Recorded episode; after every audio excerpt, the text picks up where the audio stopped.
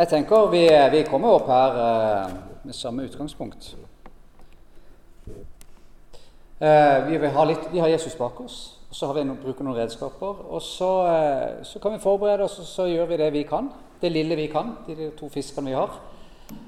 Og så, eh, så må Herren gjøre resten.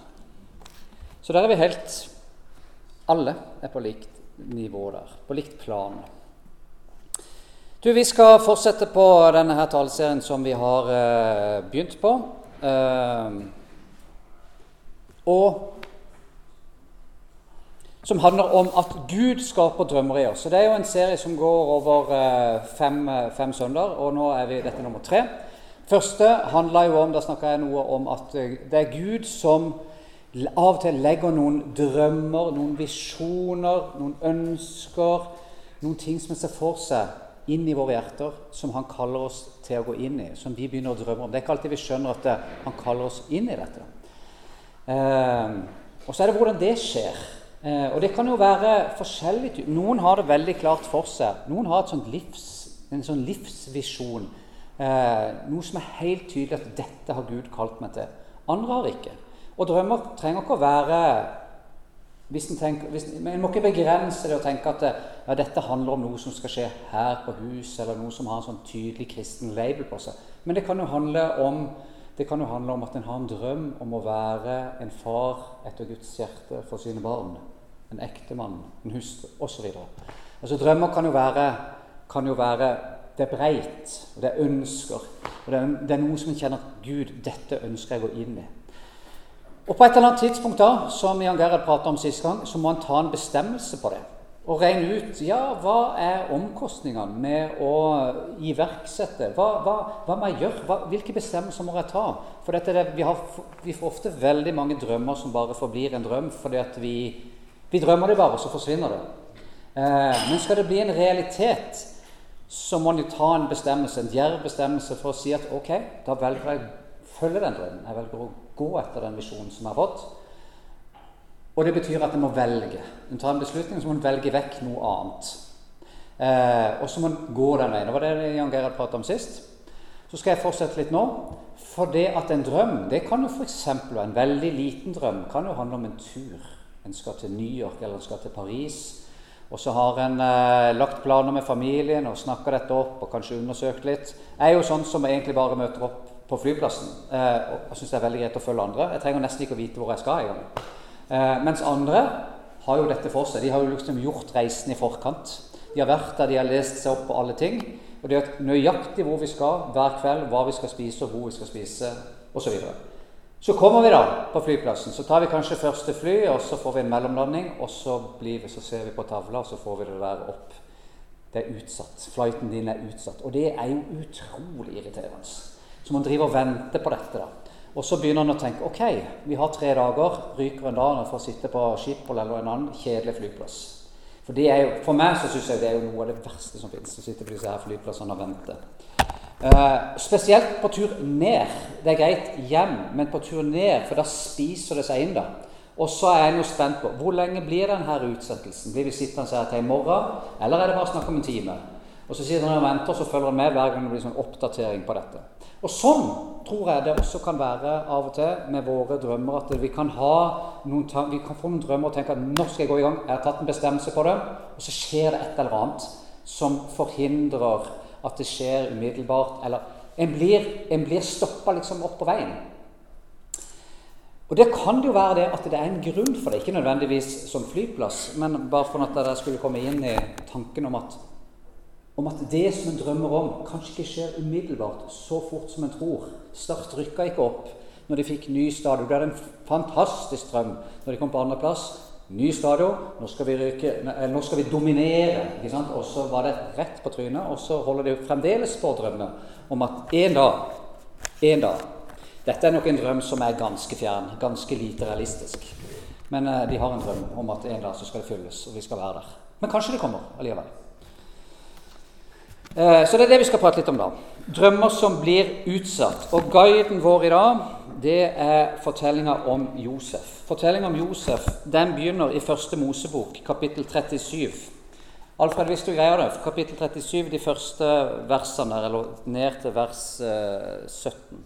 Så det blir litt å lese til å begynne med. Nå skal, ikke, nå skal jeg ikke lese gjennom hele greia. Nå skal jeg lese litt, og så må jeg fortelle, prøve å fortelle resten av Josef sin historie, ellers så tar det for lang tid. Men han opplevde dette. Første Mosebok, kapittel 37, vers 2. Da Josef var 17 år, så gjette han småfe sammen med brødrene sine. Og Som ung gutt så var han sammen med sønnen til Billa og Silpa, farens koner. Og alt det onde han hørte om den, gikk han til faren med. Så han var sladra til sin far på sine brødre. Israel, altså Jakob, elska Josef mer enn alle, andre, mer enn alle de andre sønnene, for han hadde fått han på sine gamle dager. Han hadde lagd en forseggjort kjortel til han, men da brødrene så at faren elska han mer enn alle de andre, så la de han for hat, og de greide ikke å si et vennlig ord om han. En gang hadde Josef en drøm, og han fortalte den til brødrene sine. Og de hatet han bare enda mer. Og han sa til dem, Hør hva jeg har drømt. Se, vi var ute på marka og bandt kornbånd. Kornbåndet mitt reiste seg og ble stående, men kornbåndet deres samla seg omkring meg og bøyde seg for det. Og Da sa brødrene til ham, 'Skal du være konge over oss? Skal du herske over oss?' Og de hata han enda mer for drømmene hans og for det han sa. Josef hadde enda en drøm, og han fortalte den til brødrene sine. 'Nå har jeg hatt enda en drøm', sa han. Han burde ha lært, kanskje, at han burde holde kjeft. 'Se, sola, månen og elleve stjerner skal bøye seg for meg.'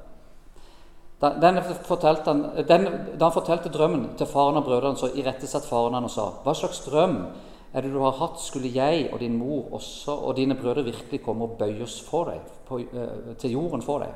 Og brødrene ble misunnelige på han, men faren merka seg det han hadde sagt, og la det på hjertet. Det er utgangspunktet. Josef har en drøm. Han er 17 år. Uh, vi kan bare merke oss at han sier at 'jeg har en drøm' min drøm, og dere skal komme og bøye dere for meg. Og så går fortellinga om Josef. Eh, kort sagt, kort fortalt, så er jo hoved, eh, hovedlinjen i Josef sitt liv det at eh, han er hjemme hos sin far. Brødrene er ute og gjeter på marka, og han får beskjed om at han må gå til dem og se til dem. Kanskje ha med seg noe mat. Og Når Josef da kommer, og de ser han langt unna, så peker de på han og sier 'Nå har vi sjansen til å ta denne dusten. Han som vi er så misunnelige på. Han som er ynglingen til vår far. Og Det blir en sånn der, eh, krangel om hva skal vi gjøre her. Eh, og Mange hadde lyst til å drepe han, men så fant de ut at nei, vi kan ikke gjøre det. Vi hiver han. Det var en brønn i nærheten. Så heiv de han i denne brønnen. Eh, Istedenfor å drepe han, så satt de der. Og Der kom det en karavane litt lenger borte som de tenkte ok, vi selger Josef. Vi tar Josef opp av brønnen, og så selger vi han. Jeg syns disse gamle bildene, gamle malerier fra Bibelen er ganske interessante. For det første så er jo alle, alle de bibelske historiene de er jo selvfølgelig hvite. De var jo det, eh, selvfølgelig. Jesus òg. Hvit med blå øyne. Sånn var Josef. Han var 17 år. Brødrene var jo noen, noen år eldre enn han. Eh, men på disse her gamle bildene så ser det ut som at de er langt over pensjonistalder. De aller fleste. Sånn er det med disiplene av Jesus også. Interessant bilde. Men i hvert fall, det kommer en karavane. De, eh, de, tar Josef opp, og de selger han, eh, får en slump penger for han, og Josef blir med til Egypt. Og Til Egypt så blir han solgt som slave til Potifar. Potifar, en embetsmann i faraos ikke her, men faraos omkrets. En høy posisjon i landet hvor, han, hvor, eh, hvor, hvor Josef går inn som slave og begynner å gjøre husarbeid. Og Det Potifar fort ser, det er jo at denne gutten her, han har evner og talenter. Og han har integritet. For det står at Gud var med han. Som gjør at Potifar han setter han, han sier du kan regjere overalt i mitt hus. Eh, jeg er her i huset. Potimor er kona mi. Ikke rør henne. Ellers så kan du styre absolutt alt hva du vil. Men Potivar han var nok en arbeidsnarkoman, og Potimor gikk hjemme og hadde behov. Eh, der gikk Josef eh, og var en kjekk ung mann. Og Potifor ville ha han. Potimor ville ha han. Og han sa nei, nei, ligg unna. Jeg kan ikke Potifar har sagt det er én ting ikke du kan røre, og det er kona mi. Så, så, så jeg vil ikke Nei, nei, nei. nei, nei. Men, men drevet av begjær så greide ikke hun å holde seg vekk fra uh, Josef. Så det endte opp med at hun tok tak i han og ville ha han til sengs, men han rømte. Og Der står han igjen med denne her kappa si. Og det er klart at Når da hun hyler opp og får eh, alle vakter til å komme og så si at Josef prøvde seg på meg, se her er kappa, osv., og, så videre, og han flykter halvnaken, så er det klart at hvem er troverdig her? Eh, selv om de kanskje vaktene hadde kanskje, kanskje trodd litt på Josef, så turde de ikke å sette seg opp imot Potifar og Potifar. Dermed så ble jo Josef kasta i fengsel. Og Når han kommer til fengsel, så skjer noe av det samme der nede. At fengsels... Eh, han som, han som, var leder for fengselsvesenet for alle, som, alle vaktene som var der, så at det var et eller annet med Josef som var troverdig. Sånn at der også så fikk han en posisjon om å kunne styre. Han var fanget, fangevokterens forlenga arm. Og fikk tillit blant disse og kunne styre også i fengselet der nede. For det står at Herren var med ham. Men jeg tenker at Josef er 17 år, 18-19 år kanskje når han, når, han, når han, er i fengsel. Og der sitter han lenge. Så er det på et tidspunkt der da, så blir to av faraos eh, mest betrodde menn munnskjenkeren. altså Det var jo den som munnskjenkeren Det er jo en merkelig, er en merkelig, en merkelig sånn, uh, yrke å ha. Han skulle da teste alt som farao fikk for seg uh, av vin og drikkene, og sørge for at dette både smakte godt og ikke var eh, dødelig. Det var ikke blanda oppi, det var ikke et attentat på farao. Han skulle ta den støyten av. Eh, ganske utsatt posisjon. Og bakgrunn. Disse to ble hevet i fengsel. Det står ingenting om hvorfor de landa der. Men de, landet, eh, de, altså, de ble satt i fengsel sammen med Josef. Og så skjer jo dette at begge de to har en drøm. Eh, og Josef ser at de ser betutta ut. Eh, og de begynner å snakke om dette, og Josef sier hva er det dere går og bærer på? Hvorfor, hvorfor, er, dere så, hvorfor bekymra? Hva, er det dere går og tenker på? Og Så forteller de begge to jo, vi har hatt en drøm, og den er ganske lik. Og så husker nok Josef at han har hatt en drøm før, som han må ha tenkt at dette var noe Herren hadde noe med å gjøre. Så sa han ok, jeg må høre. Uh, hva er drømmen deres? Jeg kan, ikke, jeg, kan ikke, uh, jeg kan ikke gi noen forklaring på dette, men Gud kan gi en forklaring på dette. Så forteller de drømmen. Drømmen er ganske lik. Det handler om eh, at de skulle komme fram for farao igjen, og at de skulle gå inn i sine yrker. og Den ene ble værende, den andre ble ikke værende. Det endte opp med at munnskjenkeren eh, kom opp og fikk, ble innsatt i tjeneste igjen. Bakeren han kom også opp for farao igjen, men han ble, eh, han ble drept. Eh, og det skjedde. Og Før de dro, så sa Josef til munnskjenkeren du, nå må du huske må du huske på meg. Si det til, til farao når du kommer opp og tjener for ham. Det sitter en i fengsel her som er uskyldig dømt. Tal min sak. Munnskjenkeren kommer opp og glemmer jo selvfølgelig Josef helt vekk. Eh, men så går det to år. Eh, da får farao en drøm. En ganske sånn eh, konkret drøm. En drøm som tydelig har vært såpass sterk at eh, han, det har preget han. Og han kaller til seg kaller til seg drømmetydere som han hadde i sitt hoff eller i sin nærhet. Og ingen, ingen av dem kommer med tydninger som er troverdige ham Så husker munnskjenkeren. Det sitter en kar nede i fengsel. Dette, da har det gått to år. Eh, ytterligere to år. Og så, som, som tyda min drøm. Og den drømmen ble jo helt sann. Eh, bakeren måtte bøte med sitt liv. Jeg fikk lov til å tjene det. Hent han. Så henter han opp Josef. Og så sier farao oss det samme som Og da står det det at Josef tredde fram for farao når han var 30 år gammel. Det er fra å være 17 til Han har sittet, han har sittet noen år i fengsel. Han har sittet de beste årene i sitt liv i fengsel. Eh, og det fengselet der Det står ingenting Og vi vet jo det at eh, på den tida, det å bli kasta i fengsel da, det skjedde uten dom. Det var ikke sånn at du, du hadde At det var en, en, en rettferdig eh, en rettferdig jury som satt der, og en rettferdig dom som ble felt. Men du bare satt i fengselet på ubestemt tid. Og de kunne råtne i fengselet. Mange råtna jo i fengselet, uten, og de ble bare glemt. Eh, så, fara, nei, så, så, Josef han ble jo satt der når han var i sin, eh, sin, beste alder og visste ikke hvor lenge han skulle sitte. Han, ikke peiling. han kunne sitte der resten av livet. Men så blir han kalt opp, og det står at han trer fram for, for farao når han er 30 år. Og Da forteller farao om den drømmen som han har hatt. Og Den drømmen gikk kort ut på at han så syv feite kyr kommer opp av Nilen og gresset. Og etter de feite kyrne hadde kommet opp, så kom det syv magre kyr opp av Nilen. Som var innhula kinn, de var aggressive, og de spiste opp de syv feite kyrne. Og farao spurte, 'Hva, Josef, du som, eh, du som kan dette her med drømmetydning, hva betyr dette?' Og Da sier Josef igjen, 'Dette kan ikke jeg si. Gud kan gi deg et svar på dette.' Så ber han til Gud, ber om å få en tydning, få en åpen Hva er det dette handler om? Og så blir det veldig klart for han at jo, om de syv neste årene så kommer det til å være overflod av korn. Egypt kommer til å bugne. Men etter syv år så kommer det til å komme en forferdelig hungersnød som kommer til å ramme både Egypt og resten av verden. Så det du bør gjøre, farao Du bør, eh, du bør eh, bygge opp siloer. Eh, du bør bygge opp bygninger, og så bør du fylle disse kamrene med korn i disse syv årene som går. Og så bør du få inn, ansette gode folk som er flinke til å organisere som sørger for at når disse syv dårlige årene kommer fra, så kan de posisjonere ut dette, sånn at folket kommer gjennom disse syv årene uten å gå til grunne. Det er noen paralleller i, i dag som handler også om korn. I verden i dag kornmangel osv. Uten å si noe mer om det. Eh, og farao skjønner at dette, det dette drømmen betyr.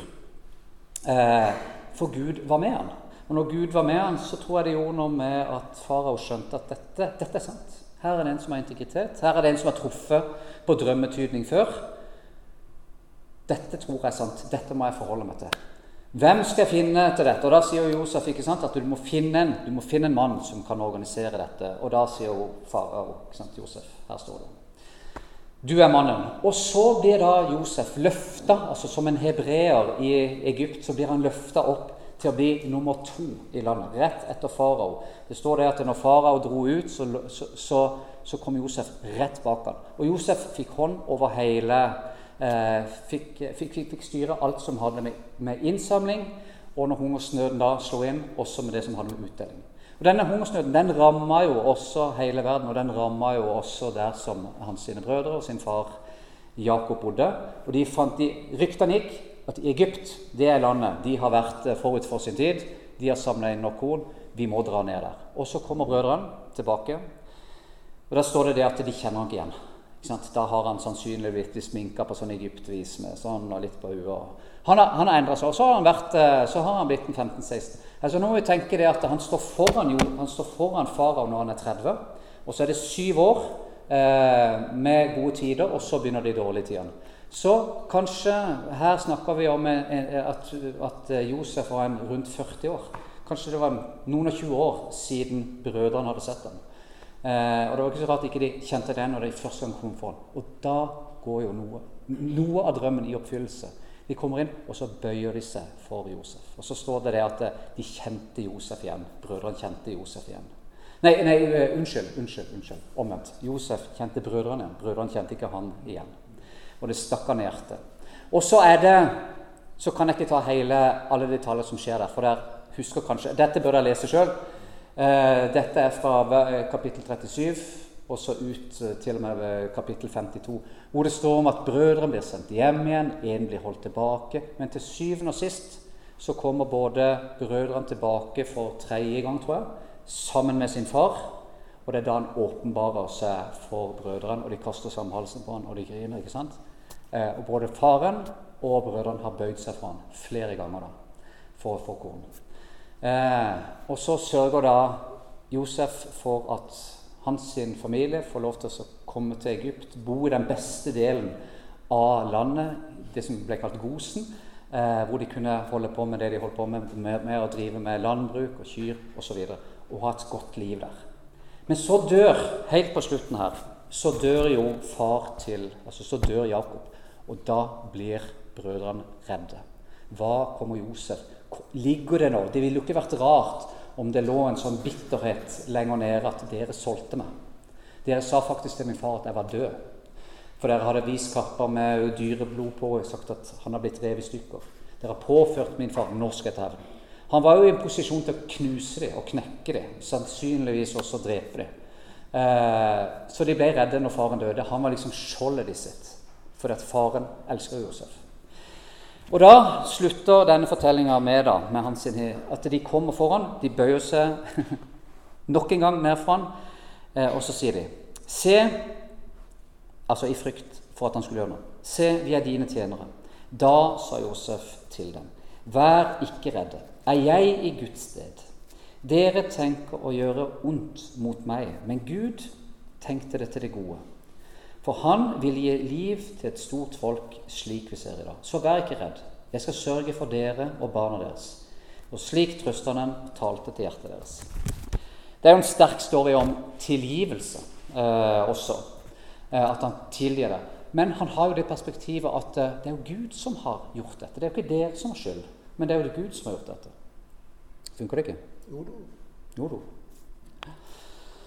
Eh, det har skjedd noe med Josef siden en gang. Så tenker jeg ok, hva kan vi lære av dette?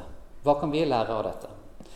Eh, for disse historiene som står i Bibelen, som jeg snakker om her på en torsdag, at noen historier står jo der som forteller om Israels folk, men det er alltid flere lag i bibelhistorien. Det jo, det er en historisk fortelling. Altså, det, det, sier noe om Israels utbredelse, men det sier også noe til oss i dag. Og Det kan si mange ting til oss i dag, og Gud kan tale gjennom disse historiene på forskjellig vis til oss i dag.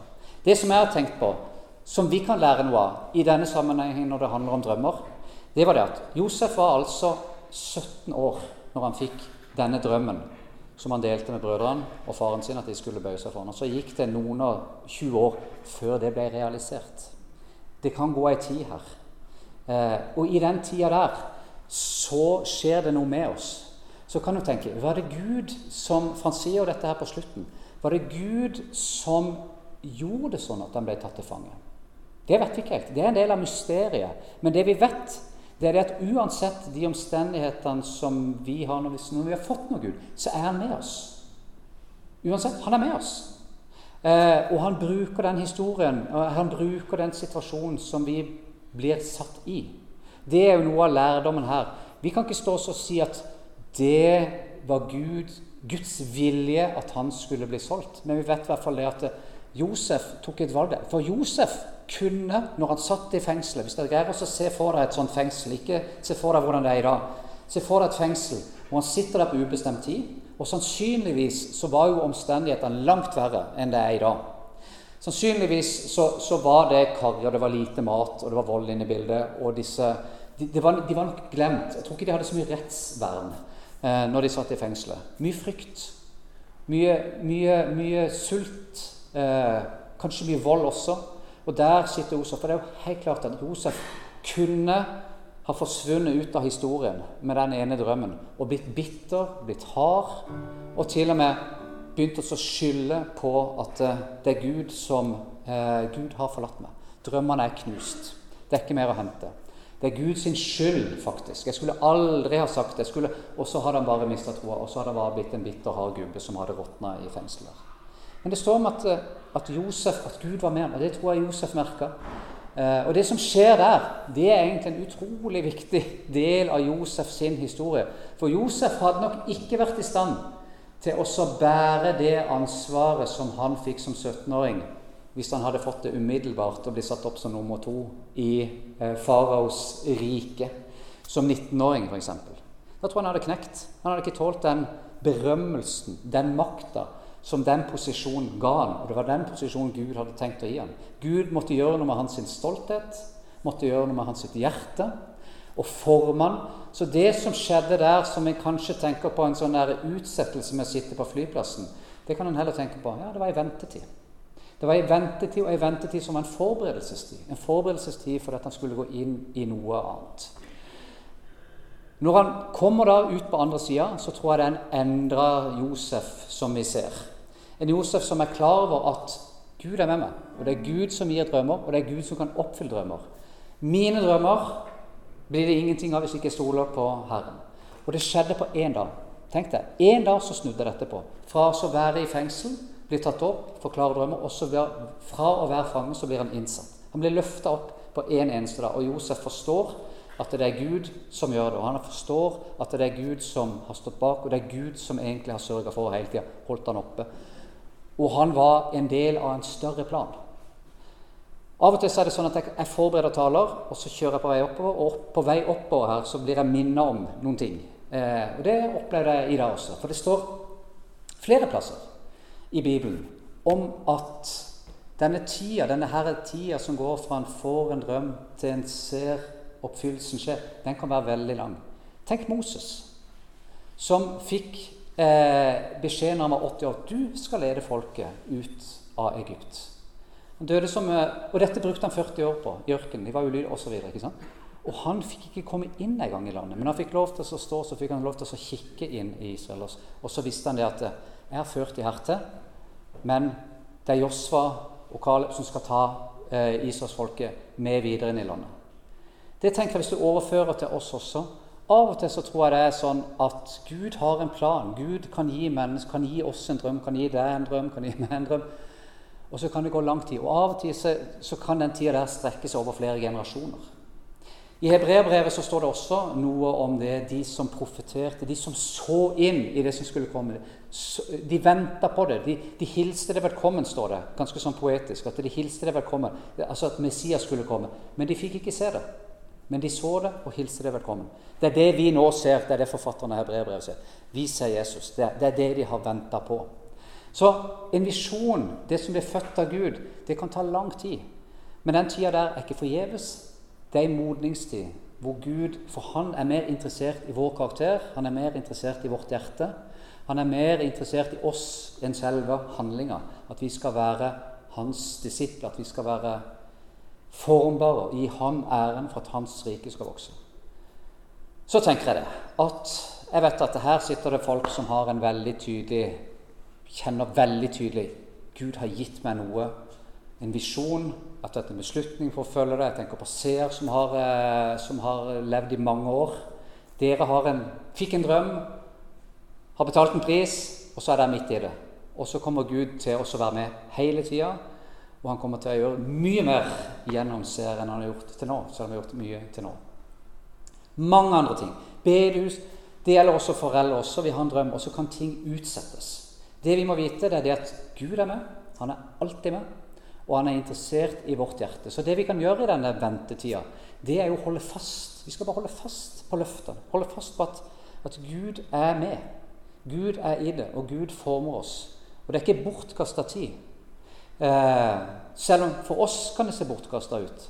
Det kan være økonomisk krise, det kan være sykdom, det kan være vanskeligheter i familien. Og der har vi et valg. Der kan vi la det gå innover oss og bli bitre og harde og bare forsvinner for alt og sier men Gud var ikke her. Krystall, eh, de, de går i knus. Eh, og så sier at nei, men, men eh, Gud lover å passe på meg. Han lover, han lover, ikke å passe på oss på den måten at alt vil gå knus, men han lover alltid å være med oss. Espen, som eh, jeg har nevnt noen ganger, det er han som har malt disse bildene som jeg har vist litt. Dette, han hadde Espen har alltid vært en veldig sånn visjonær type. Eh, han hadde, en, han hadde, en, voldsom visjon for eh, det han skulle inn i. Og så blir han syk, for ME. Og så tilbringer han eh, Så tar det syv år fra han får det til han er tilbake igjen. Men i tre år så, så, så ligger han bare. Det eneste, den, en, den eneste gangen han beveger seg, det er til og fra toalettet. Dette er et, et, et sånn. Dette er et bilde som han malte av seg sjøl når han var helt på bånn, når han så seg sjøl i speilet. Da så han egentlig bare noen uthula Likbleik, tynn fyr med noen uthula øyne. Eh, så malte han det når han kom, kom, seg litt, for han skulle bare huske at der har jeg vært. Jeg har vært helt nede i kjelleren. Jeg har bare vært Det eneste som livet handler om, det var bare å sove, ligge på et mørkt rom og tie. Men han holdt fast. Espen sier at han holdt fast. Og han sier det. Han, skal vi invitere han opp her? Han sier det. De tre årene i senga de sammenligner han med de tre årene som disiplene gikk sammen med Jesus. Espen gikk inn i dette og kom ut for andre. Espen kom ut på den andre sida med verdier som satt dypere, med en personlighet, en overgivelse. Han var ikke knekt, han var ydmyka. Ydmyka av å være en voksen mann som plutselig ble liggende med små barn osv. Men det gjorde noe med han. Det gjorde noe med hjertet sitt. Og det er det Gud er interessert i. Og det er derfor vi av og til og jeg tror av og til Gud tillater at vi går gjennom disse. Jeg tror ikke han fører oss inn i ulykker, men jeg tror at han tillater at dette skal skje for at han skal kunne gjøre noe med hjertet vårt. Hjertet vårt. Det er en ganske bøs påstand. Eh, jeg tror dette er noe av evangeliet også. Jesus var i Getseman, ble ført inn i dette for oss å vinne noe som var større, den prisen som lå foran ham. alle sjelers frelse. Så vil Gud føre oss gjennom. Og så vil vi oppleve igjen at uh, sola går opp. Uh, og at vi, at vi, blir ført inn, og at vi opplever noe av det som, som Josva opplevde. Plutselig så er han der. Men da er vi i en posisjon at ikke vi tar kreden for det sjøl, men da har vi skjønt at det er Gud som gjør det gjennom oss.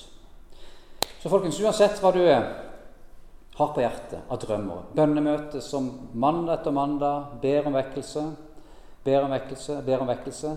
Eh, Gud er med. Gud hører. Gud svarer i sin tid. Eller om en er i en annen situasjon hvor en har noen ønsker, en har noen drømmer, en føler Gud har lagt noe på det. Gud er med. Gud vil føre oss gjennom. Og Gud vil la hans sine planer lykkes gjennom oss. På sin måte, til sin tid. Kjære Jesus, vi takker deg for at uh, du er her nå. Og vi takker deg, Herre, for at uh, det står i ditt ord at du gir unge menn syner og gamle menn drømmer. At du lever blant oss, og at du leder oss også på den måten. Med at du viser oss noe, gir oss noen visjoner. Og her i menigheten er det mange som kjenner på at du har lagt spesielle ting ned i de, Herre. Og vi takker deg, Jesus, for at uh, at du er med, at du leder Josva og Josef, eh, og at du vil også lede oss eh, etter det inn i et nytt land, Herre. Men vi takker deg, Herre, for at du, har, at du elsker oss, og du er først og fremst opptatt av vårt hjerte. Vår karakter, vår integritet. Og du former oss, Herre, at vi er på dreieskiva di. Og Vi ønsker å være Jesus bare si at vi holder fast ved det som du har eh, gitt oss,